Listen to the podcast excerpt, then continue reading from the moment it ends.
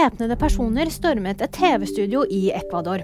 Direktesendte bilder fra kanalen TC viser maskerte personer som tvang ansatte til å legge seg på gulvet, men skudd og rop høres. Bildene gikk i 15 minutter før sendingen ble avbrutt. Ifølge nyhetsbyrået AP skal gjerningspersonene også ha hatt med seg bomber. Det var et ektepar som ble drept i Sørfold. Elin Nordhei Bordi og Terje Åsmund Nordhei ble funnet drept natt til første nyttårsdag. En avdød 19 år gammel mann er siktet for drap på sin mor og stefar, og for drapsforsøk på den yngre halvsøsteren sin.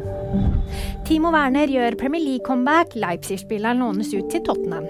Det ble klart etter at han fullførte de medisinske undersøkelsene tirsdag formiddag. 27-åringen har tidligere spilt for Chelsea mellom 20 2020 og 2022. Og nyheter finner du alltid på VG.